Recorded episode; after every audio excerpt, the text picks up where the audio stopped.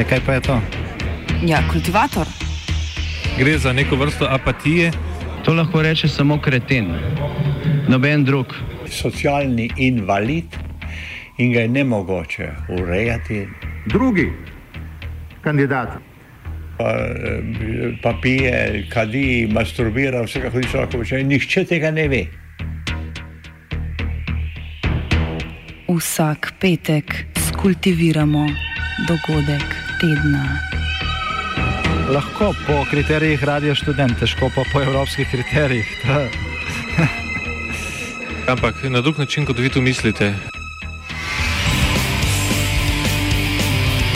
Kultivator vedno užge da pač nekdo sploh omenja probleme, ki so in da pravzaprav sploh nekdo sproži dogajanje uh, v družbi. To drži, drži. Well, we know. 2018.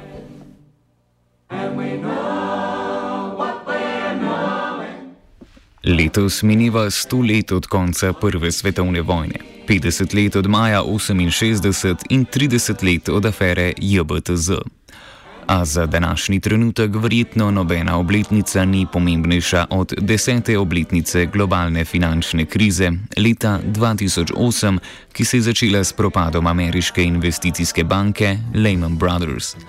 V marsičem se posledice tega seizmičnega dogodka kažejo šele danes. Medtem ko je finančna kriza za banke že davno minila, so bile posledice za širše gospodarstvo precej širše. Nesposobnost političnega reda, še posebno v Evropi, da na izzive odgovori, pa je kritično prizadela njegovo kredibilnost. Te izgube ni mogla povrniti niti gospodarska konjunktura. Danes se zato še bojimo naslednje krize. Zdi se, da smo se navadili živeti v dobi večne krize.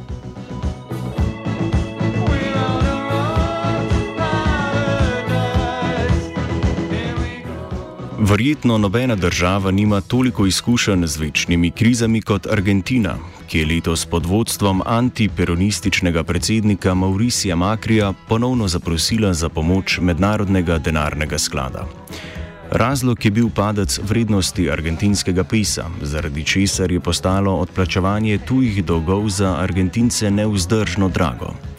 Kriza ni neposredno krivda Argentine. Z enakimi problemi pa so se letos soočale številne države, ki poskušajo emigrirati iz globalnega juga s pomočjo zahodnega finančnega trga. V finančno globaliziranem svetu dvigovanje obrestnih mer v ZDA povzroči spremembe finančnih tokov, proti katerim se tudi tako velika država kot Argentina ne more ali noče upirati.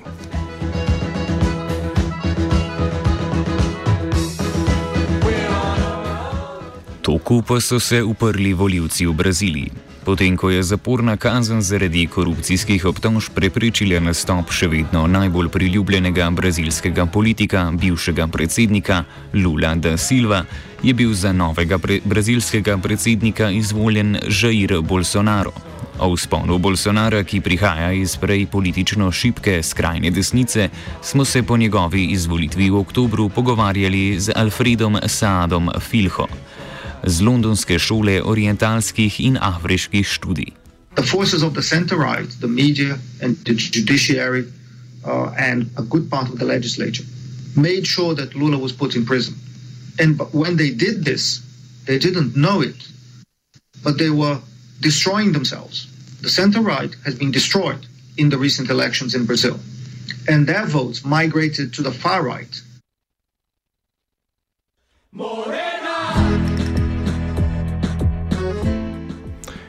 Kot je napisal Bertolt Brecht v članku Mea Guten Spot, je vedno treba jadrati po vetru, a jadra se lahko tudi proti vetru. Tega so se držali v Mehiki, kjer so voljivci julija odrekali podporo strankam, ki so državo vodile že od prve polovice prejšnjega stoletja. Za novega predsednika je bil izvoljen Andres Manuel López Obrador, krajše AMLO. AMLO je že vsaj desetletje predstavljal levo in populistično alternativo vladajoči stranki PRI. Po več porazih, tudi spornih, se mu je letos uspelo zavihteti na predsedniški stolček z večino, ki je ni imel noben od nedavnih predsednikov. Več je julija v oddaji Južna hemisfera povedal Patrick Iber z Univerze v Wisconsinu. Wisconsinu. What was different this time that the other two parties that had alternated the presidency, so the right wing party, the, the PAN, the PAN, the, and then the pre returned with the current president, Enrique Peña Nieto, from 2012 to 2018. Those presidencies were considered, are considered by most Mexicans to have been spectacular failures. Uh, President Calderon, who had of the PAN, uh, accelerated the uh, militarization of the drug wars in particular, leading to extraordinarily high levels of violence. And in combination with ongoing violence, the current administration has been beset by a series of, uh, of political scandals involving, uh, involving corruption, in addition to which economic growth has been sluggish.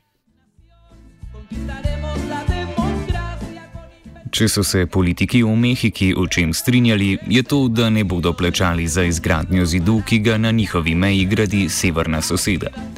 Spomladi je Trump za ustrovanje proti imigrantske politike pripeljal korak predaleč, ko je mejna policija izvajala princip ničelne tolerance. V skladu z njo so bili vsi, ki so nelegalno prečkali mehiško-ameriško mejo, kazensko obravnavani po najstrožjem postopku in priprti. Mladoletni, otroci so bili v tem postopku ločeni od lastnih staršev in zaprti v posebnih zbirnih centrih v bližini meje. Ta politika je izvala močan negativen odziv javnosti, zaradi česar jo je obmejna policija čez dva meseca nehala izvajati.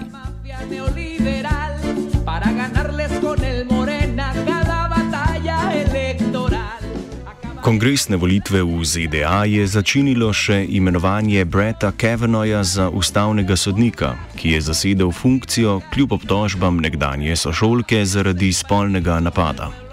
Ker so člani ameriškega ustavnega sodišča jasno politično opredeljeni in imajo doživljenjski mandat, to pomeni, da se je razmerje moči na sodišču premaknilo trdno v roke konzervativcev.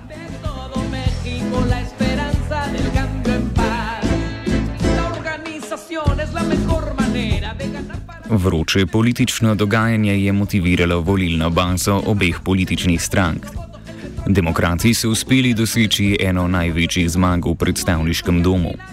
Tu jim je uspelo predvsem na platformi reforme zdravstva, ki je bila radikalnejša od tiste, ki jo je izvedel bivši predsednik Barack Obama predvsem z vprašanjem zdravstva in izvolitvijo več karizmatičnih kongresnikov in kongresnic manjšin, se je znotraj demokratske stranke okrepilo progresivno krilo, ki ima sedaj oči že obrnjene na izbor predsedniškega, predsedniškega kandidata čez dve leti.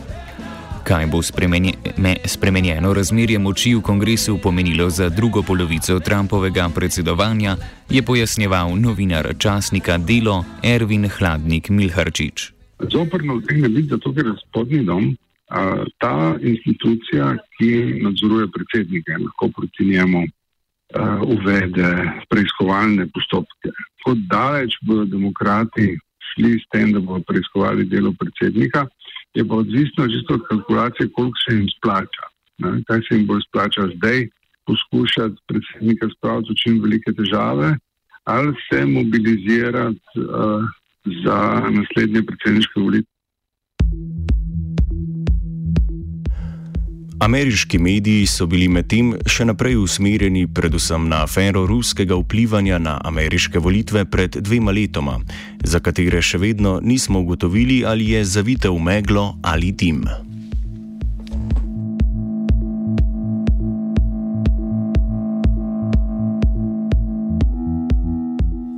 Razjasnila se je vsaj ameriška politika do Irana.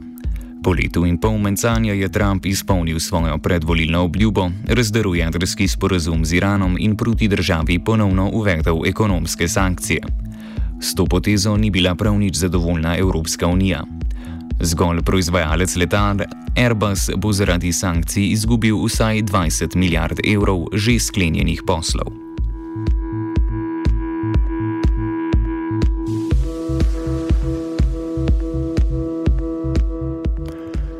Je pa ameriška odločitev toliko bolj razveselila glavna iranska oponenta, Izrael in Saudovo Arabijo, kjer so se letos nadaljevale reforme princa Mohameda bin Salmana. Njihov deklarativni namen je zmanjšanje odvisnosti od nafte in odpiranje države. Po odvzemu moči ostalim članom kraljeve družine in vahabistični duhovščini, ker princa postavlja v položaj edinega oblastnika, je nadaljeval s potezami, kot so odpiranje kinodvoran, izboljšanje pravic tujih delavcev in izdajanje vozniških dovoljenj za ženske. Saudova Arabija je bila letos tudi glavna pobudnica blokade Katarja, razlog za katero je bilo domnevno podpiranje terorizma. Vse te poteze so princu na zahodu prinesle dobršno mero priljubljenosti, ki pa je kmalo upadla zaradi naročenega uboja novinarja Džamala Hašokdžija.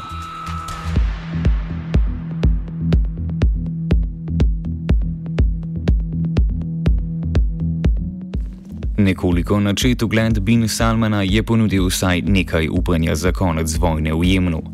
V Štokholmu so mednarodno priznana vlada in hudijski uporniki dosegli dogovor o prekinitvi blokade pristanišča Hodajda, prvi tovrstni sporazum med sprtima stranema. Koalicija držav pod poveljstvom Saudove Arabije in s pomočjo ZDA podpira vlado in tam že tri leta izvaja redno in nediskriminatorno zračno bombardiranje. Cilj tega so uradno uporniki, ki jih Saudici dojemajo kot grožnjo zaradi njihove domnevne povezave z Iranom. Slednji je v očeh Saudicev in ZDA glavna grožnja miru na Bližnem vzhodu.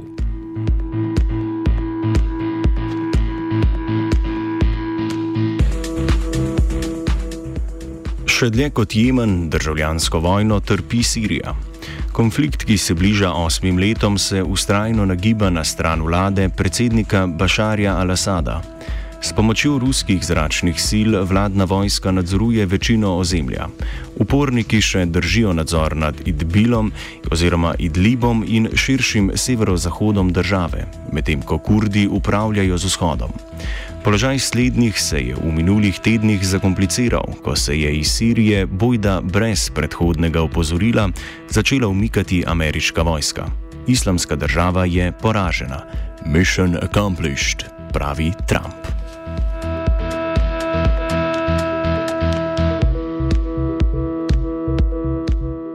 Z umikom ZDA so ponovno zrasla krila Turčiji. Ta je že v začetku leta izvedla operacijo na sirskem ozemlju z namenom pregona kurdskih borcev iz Afrina in okolice. Z odhodom američanov je zunani minister Melut Čavu Soglu že napovedal napredovanje vojske preko Eufrata z namenom eliminacije kurdske teroristične grožnje. V bran se jim očitno namerava postaviti Francija, ki ima še vedno enote na severovzhodu Sirije.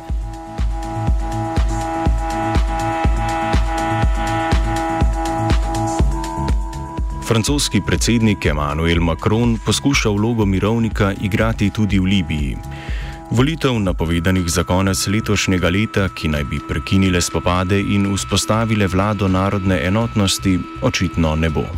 Vsaj zaenkrat ne. Več razlogov za optimizem je v Južnem Sudanu, kjer se zdi, da zadnje premirje iz septembra, za razliko od vseh predhodnih, zaenkrat drži.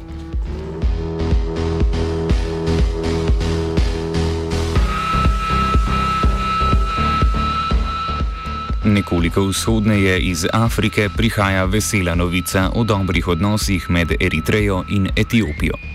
Etiopski premijer Abi Ahmed je junija naznanil, da bo spoštoval odločitev Komisije za določitev meje med državama iz leta 2002, ki je sosednji Eritreji dodeljuje obmejno območje. Julija sta državi podpisali izjavo o miru in prijateljstvu, uradno končali vojno in ponovno vzpostavili diplomatske odnose. Septembra so ponovno odprli mejne prehode, kar je omogočilo združitev velikega števila družin. Ponovno so se vzpostavile tudi letalske povezave, v eno od eritrejskih pristanišč je lahko uplula etiopska ladja.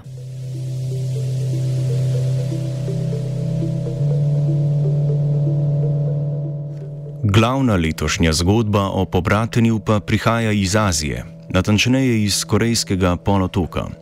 Priča smo bili številnim simbolnim gestam, kot sta skupen olimpijski nastop v ženskem hokeju in naravnanje severnokorejskih ur na južnokorejski čas.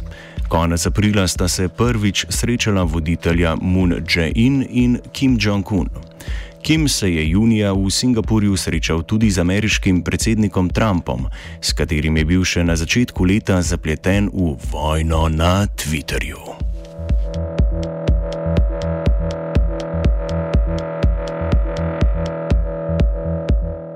Večne krize pa ni v slovarju Kitajske, oziroma vsaj njenih ekonomskih statistikov. 40 let po začetku gospodarskih reform, ki so v socializem prinesle kitajske posebnosti, je Kitajska de facto že postala največje gospodarstvo na svetu. Če velikost gospodarstva merimo ne nominalno v dolarjih, je Kitajska ZDA prehitela že pred štirimi ali petimi leti. Zaradi stopnjujoče se trgovinske vojne z Združenimi državami Amerike je sedaj približno polovica kitajskega izvoza ocarinjenega z 10-odstotnim davkom, kar ni ostalo brez posledic za kitajsko izvozno usmerjeno gospodarstvo. Odziv Pekinga je bil spodbujanje gospodarstva z dodatnimi krediti, ki pa predstavljajo vedno večje tveganje za kitajsko gospodarsko prihodnost. Drugi ukrep je pospešeno razvijanje domače industrije. Leto 2018 je kitajsko vodstvo prepričalo, da pri ameriških carinah ne gre za poskus zmanjšanja ameriškega trgovinskega primakljaja, ampak za poskus omejitve vzpona Kitajske z ekonomskimi sredstvi.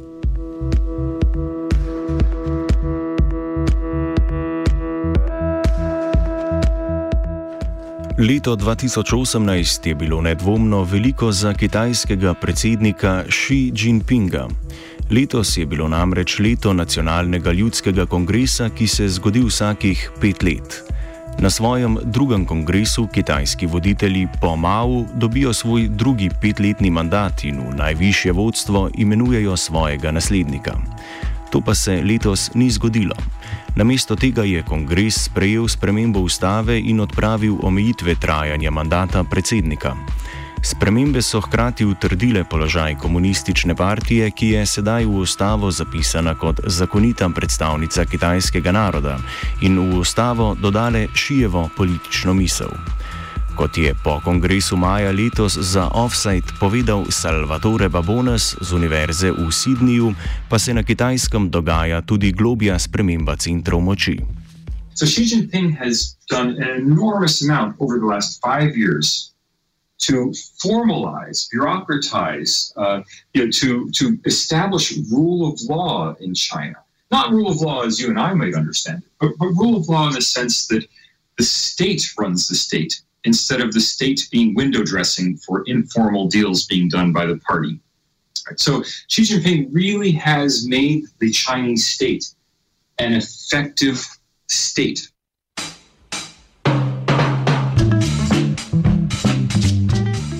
Kitajska se je znašla v nenavadnem položaju, da zagovarja prosto trgovino, kot jo je zagovarjal Washingtonski konsens in se je za Kitajsko izkazala za zelo priročno.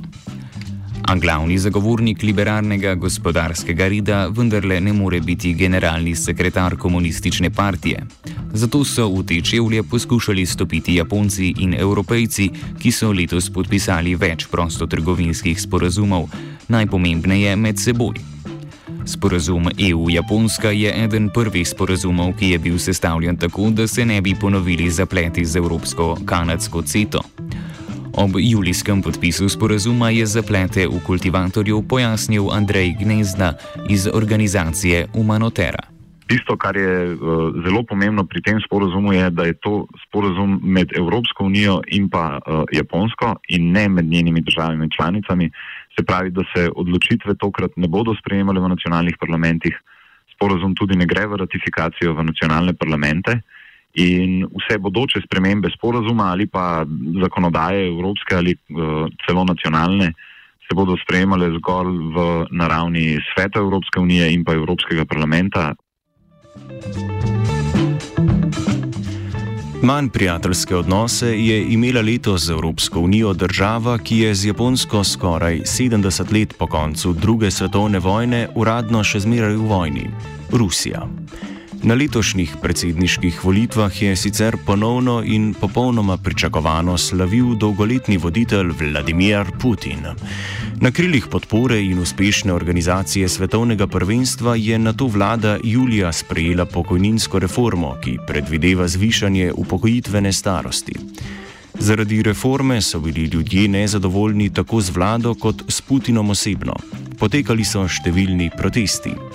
Putin se je poleg notranjih soočal tudi z nasprotovanji v zunani politiki. Po zastrupitvi nekdanjega dvojnega agenta Sergeja Skripala in njegove hčerke v mestu Salisbury v Združenem kraljestvu se je razplamtela prava diplomatska vojna.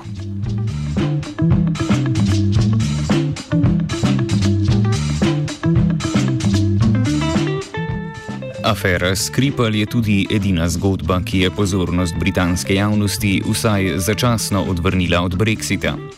Po marčevskem dogovoru o pravicah državljanov in poletnem merjenju moči o meji med Republiko Irsko in Severno Irsko so pogajalci Združenega kraljestva in Evropske unije novembra le dosegli dogovor o izstopu. Kljub temu še ni jasno, ali bo Združeno kraljestvo Evropsko unijo zapustilo na podlagi dogovora, saj ga mora potrditi še britanski parlament.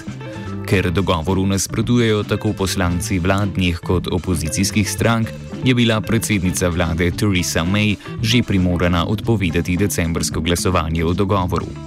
Vse glasnejši so tudi pozivi naj se odločitev prepusti voljivcem na še enem referendumu.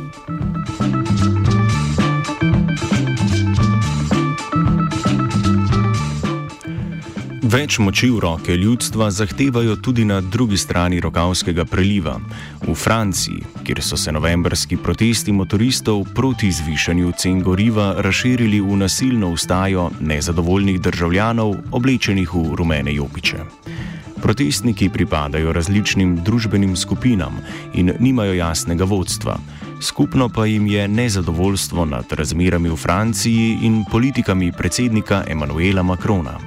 Ta se tako že eno leto po zmagi na predsedniških volitvah sooča z glasnimi pozivi k njegovemu odstopu.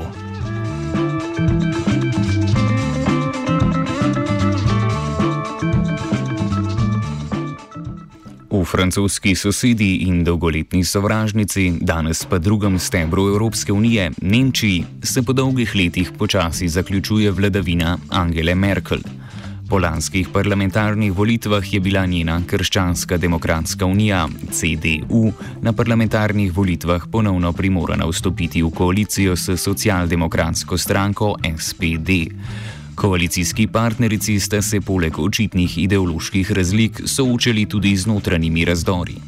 Razdore v veliki koaliciji je septembra za Offside tako komentirala Kate Brady, politična dopisnica medijske hiše Deutsche Welle.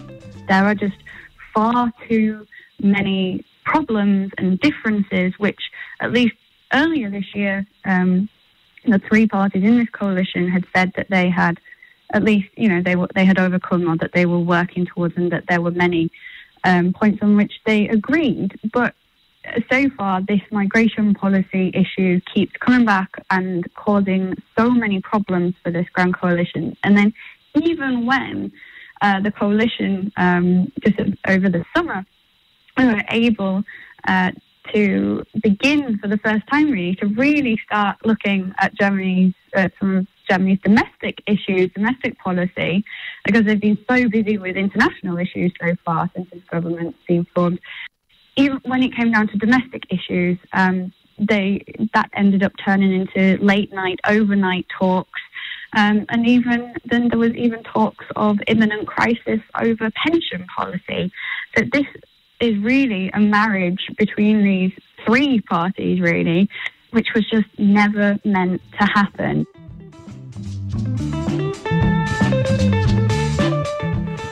Po še dodatni izgubi podpore na letošnjih državnih volitvah na Bavarskem in Hesnu je Merkel oznanila, da se ne bo ponovno potegovala za mesto predsednice stranke in da ne bo ponovno kandidirala za kanclerko.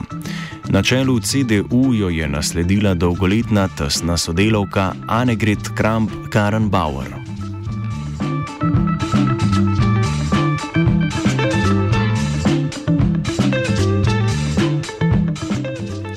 Usoden je bil slabši rezultat na parlamentarnih volitvah za mađarskega premija Viktorja Orbana.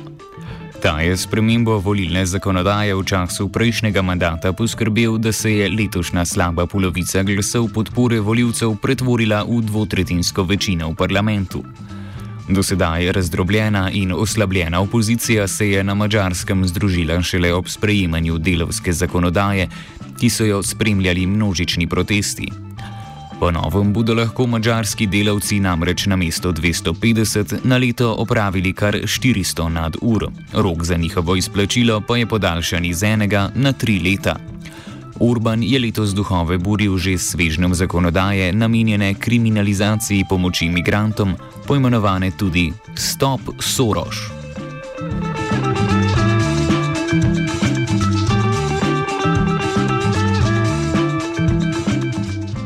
Proti migracijam so se obrnili tudi v Italiji, kjer je na volitvah slavilo gibanje petih zvest, politična stranka brez jasne programske usmeritve.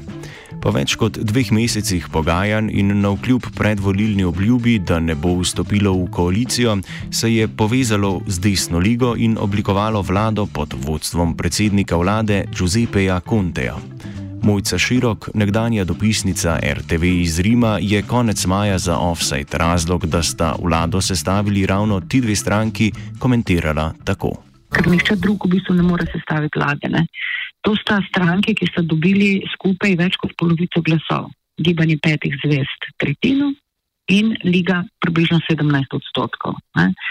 Sta najmočnejši stranki v državi in glede na kvantiteto, se pravi na številčnost glasov, je najbolj logično, da se vlado sestavlja ta oni dve. Glede na kvaliteto oziroma vsebino njunih programov, pa to sploh ni logično. Prav zaradi tega, ker sta se v marsičem, kar vsebuje ta njuna programa, zelo različni.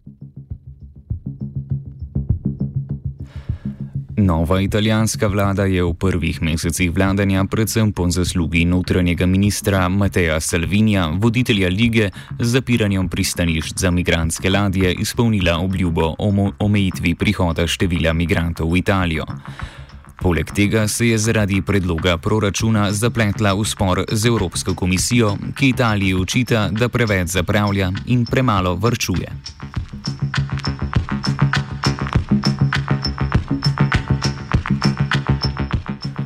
Evropsko komisijo je precej bolj upoštevala Grčija, kjer se je konec avgusta po osmih letih in 300 milijardah evrov posojil zaključil program finančne pomoči pod nadzorom trojke Evropske komisije, Evropske centralne banke in Mednarodnega denarnega sklada.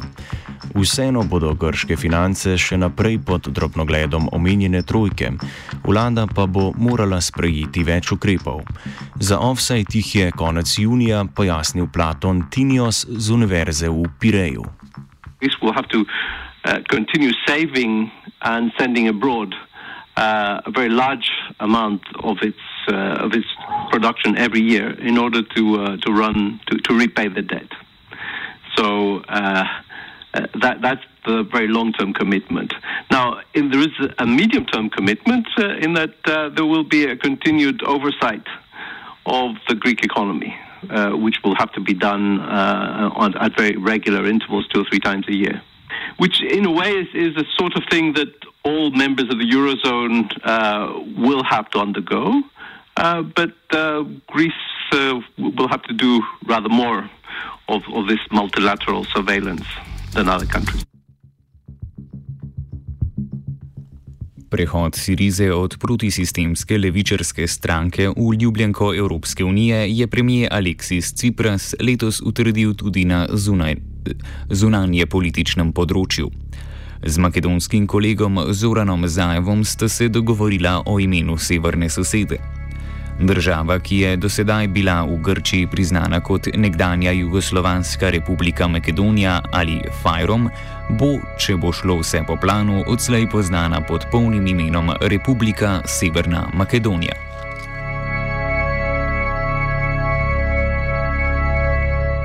Spremembo mora še vedno potrditi makedonski parlament, ljudstvo pa je svoje mnenje že podalo na posvetovalnem referendumu konec septembra. 94 odstotkov tistih, ki so glasovnico oddali, je potrdilo spremembo. Legitimnost rezultata je znatno izpodbila komaj 37 odstotna udeležba, posledično sta obe strani razglasili zmago. Referendum je dan po razglasitvi izidov Biljana Vanovska z fakultete oziroma z filozofske fakultete v Skopju komentirala takole. Sam je referendum zaista dobio veliki publicitet, bio je prva stvar i prioritetna stvar na političkoj sceni zadnjih par mjeseci, međutim u suštini, po me, po, bar po mom mišljenju, to je bio jedan veliki reality show, jedna politička farsa, to je bilo više sredstvo da bi vladajuća koalicija dobila nekakav legitimitet kakav takav, bez obzira na broj, gra, na broj građana koji bi glasao, a, da bi krenula kao onome što je važnije za, a, za ovaj prespanski sporazum, za njegovo a, usvajanje, a to je promjena ustava. Dakle, nikada se nije radilo o građanima i o njihovom stavu, nego o tome kako bi vladajuća koalicija krenula ka onom što je u stvari pravi vrući kesten i, i pravi izazov. Novo ime za Makedonijo, pardon, Severno Makedonijo pomeni, da se ji odpira pot k euroatlantskim integracijam. Ne na zadnje je nekoliko sporno referendumsko vprašanje bilo, ali podpirate članstvo Makedonije v Evropski uniji in NATO s prejetjem sporazuma med Makedonijo in Grčijo. NATO ekspanzijo na Balkanu sprejema z odprtimi rokami, EU nekoliko manj.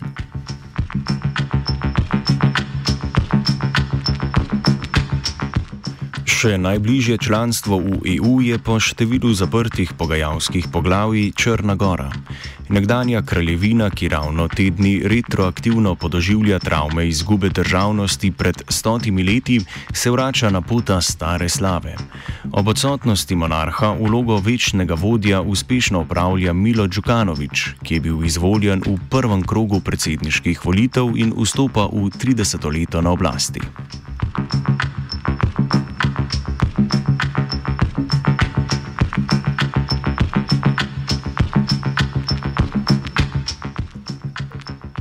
Svoja lastna poglavja medtem piše tako imenovani bruselski dialog, tako imenovane normalizacije odnosov med Beogradom in Prištino. Deset let od razglasitve neodvisnosti Kosovo priznava 116 držav, sedež v Združenih narodih pa ni nič bližje kot leto prej. Napori srpskega zunanjega ministra Ivice Dačiča so letos rezultirali v devetih preklicih priznanja strani globalnih velesil Burundija, Papue Nove Gvineje, Lesota, Komorov, Dominike, Grenade, Solomonovih otokov in Madagaskarja. Pogajalska moč se temu na vkljub na terenu slabša, kar vsem bolj javno priznava tudi predsednik Srbije Aleksandar Vučić. Vzpostavitev lastne kosovske vojske je vse bolj na vidiku.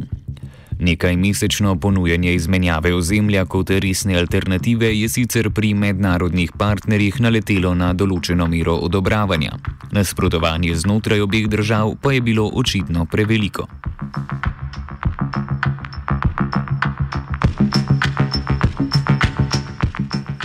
Znotraj Srbije se na vkljub vsemu zdi, da je položaj vlade, ki jo praktično v celoti pooseblja lik Vučiča, močnejši kot kdajkoli prej.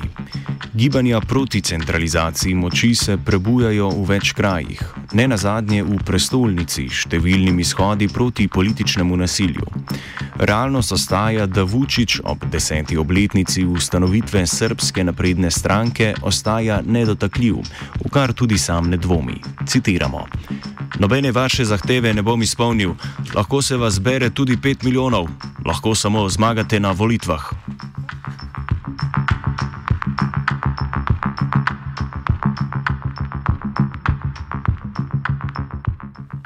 Bosna in Hercegovina drugačnega obstoja kot kriznega obstoja ne pozna.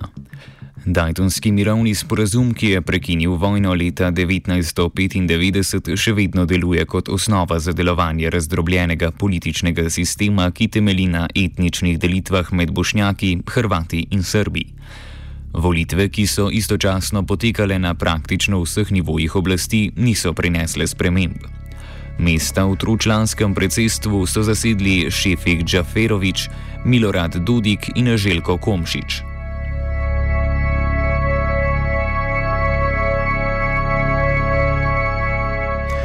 Leto 2018 je zgolj poglobilo tisto drugo migransko krizo v Bosni in Hercegovini.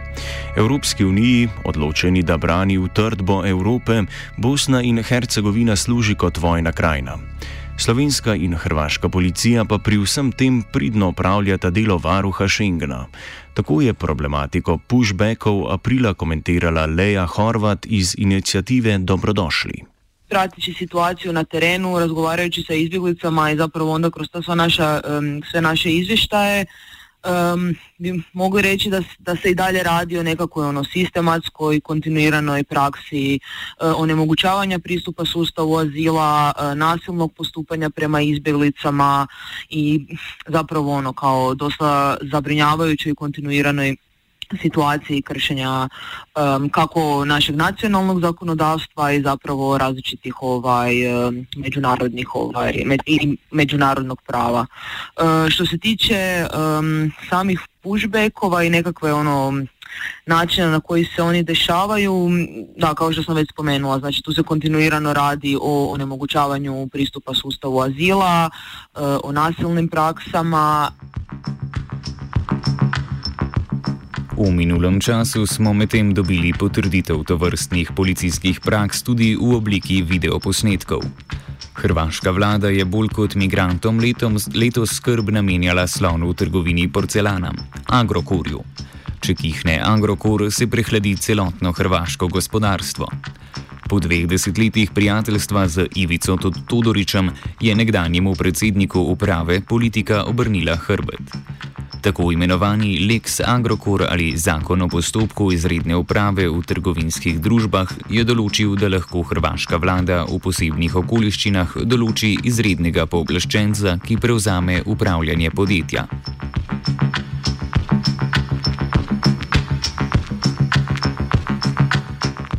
Lex Agrokor je razumljivo sprožil nekaj pretresov tudi v Sloveniji. Merkator je kozorci slovenskih lastnikov prodal Agrokorju leta 2014. Poslanci levice so lani neuspešno pozivali k nakupu Merkatorja.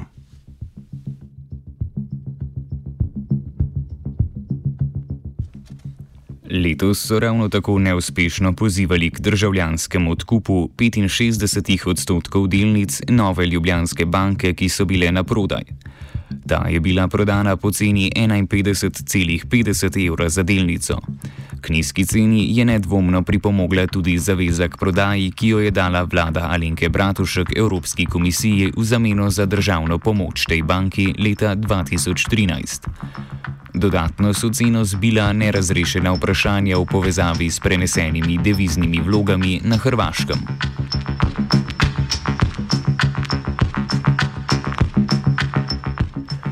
Republika Slovenija bo tudi po zaključku prodaje obdržala 25 odstotkov plus eno delnico, pri čemer bodo vsi deležni ostalih vlagateljev manjši od državnega. Tako je konec septembra za terminal o prodaji iz finančnega vidika razmišljal Bine Kordež. S prodajo banke bo torej državni proračun izgubil letni priliv dividend v višini denimo 150 milijonov evrov. Predpostavljam namreč, da prodajo banke v celoti, glede na predvideno zadržanje 25 odstotkov banke, ko se je na delnica, uh, pa bodo številke za četrtino nižje. Na drugi strani pa bomo sprejeto kupnino, torej 1,3 milijarde, znižali javni dolg in letno plačali okoli 20 milijonov manj obresti. Če torej gledamo samo finančni vidik, se bo s prodajo proračunski rezultat v bistvu poslabšal za najmanj 130 milijonov evrov ali ne celih 3 odstotka bruto domačega proizvoda.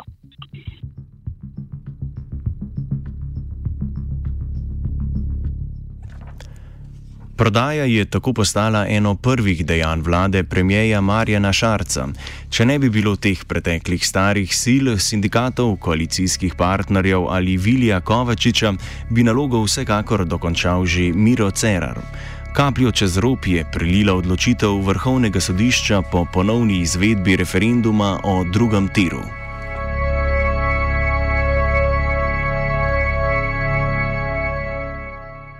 Danes se je prelila kaplja čez rob. Projekt drugega tira je doživel nov udarec, ki so ga povzročili tisti, ki želijo na vsak način ustaviti pozitivni razvoj Slovenije. Oblast vračam v vaše roke.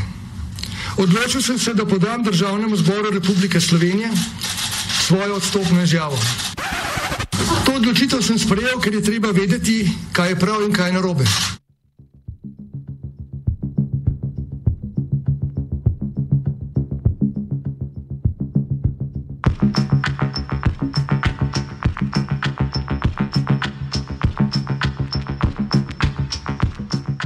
Odstop vlade ne pomeni, da ministrstva nehajo delati.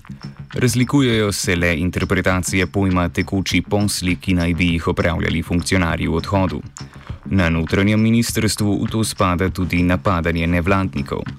Pravno-informacijski center je bil tako strani ministrice Vešcne Jorko Žnidar obtožen delovanja izven meja Slovenije, saj naj bi nevladniki policiji javljali o prihodu migrantov, ki so bili v tistem trenutku še na Hrvaškem. Iz dokumentov tu ni razvidno, kar pa ni ustavilo časopisa delov, da bi nekritično verjel ministrstvu na besedo. Raje kot nelegalnemu delovanju policije so pozornost usmerili na delo nevladnikov. Taktiko odhajajoče ministrice je za kultivator septembra komentiral bivši ustavni sodnik Mateuš Krivic.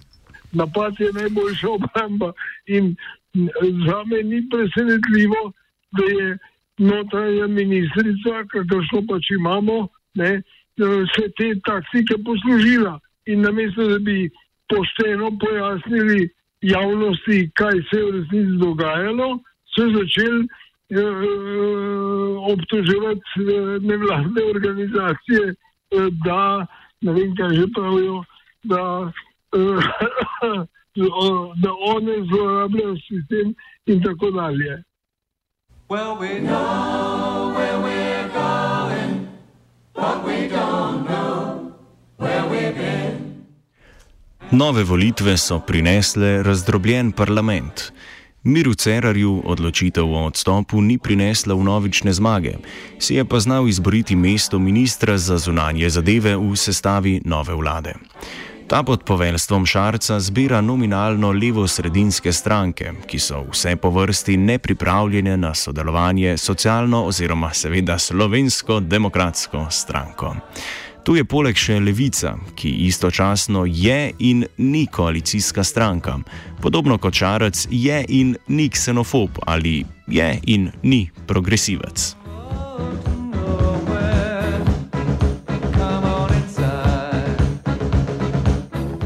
Z imenovanjem rasista in islamofoba Damirja Črnčeca na mesto sekretarja za nacionalno varnost je Šarec hitro porabil kredite pri levo-liberalnem volilnem telesu, a kaj, ko jih je kaj kmalo pridobil nazaj na svojo stran z nekaj praznimi izjavami o sovražnem govoru.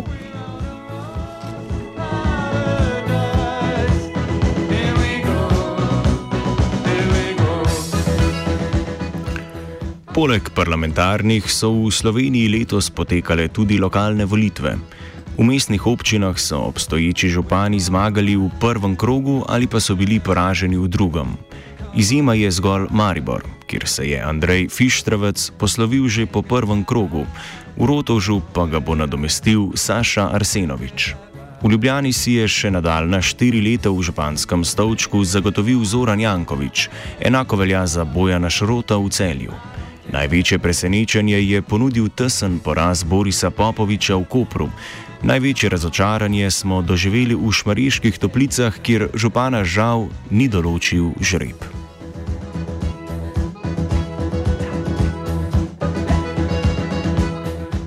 Nova vlada je ob koncu leta vendarle postregla z nekaj drobtinicami za ljudstvo. Zaposleni v javnem sektorju več ne grozijo stavko, socialna pomoč je nekoliko višja, minimalna plača prav tako, nekoliko, ne preveč. Nova kriza je vedno tik za vogalom.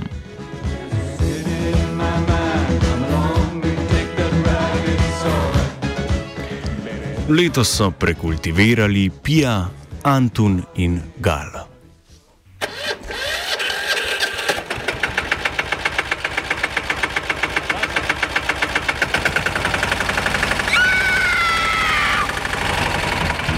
E, kaj pa je to? Ja, kultivator. Gre za neko vrsto apatije. To lahko reče samo kreten, noben drug. Socialni invalid in ga je ne mogoče urejati. Drugi kandidat. Pa, pa pije, kadi, masturbira, vse kako ti lahko reče. Nihče tega ne ve. Vsak petek skultiviramo dogodek tedna. Lahko po kriterijih radio študent, težko pa po evropskih kriterijih. Ampak na drug način, kot vi tu mislite. Kultivator vedno užge. Da pač nekdo sploh omenja probleme, ki so, in da pravzaprav sploh nekdo sproži dogajanje uh, v družbi. To drži, drži.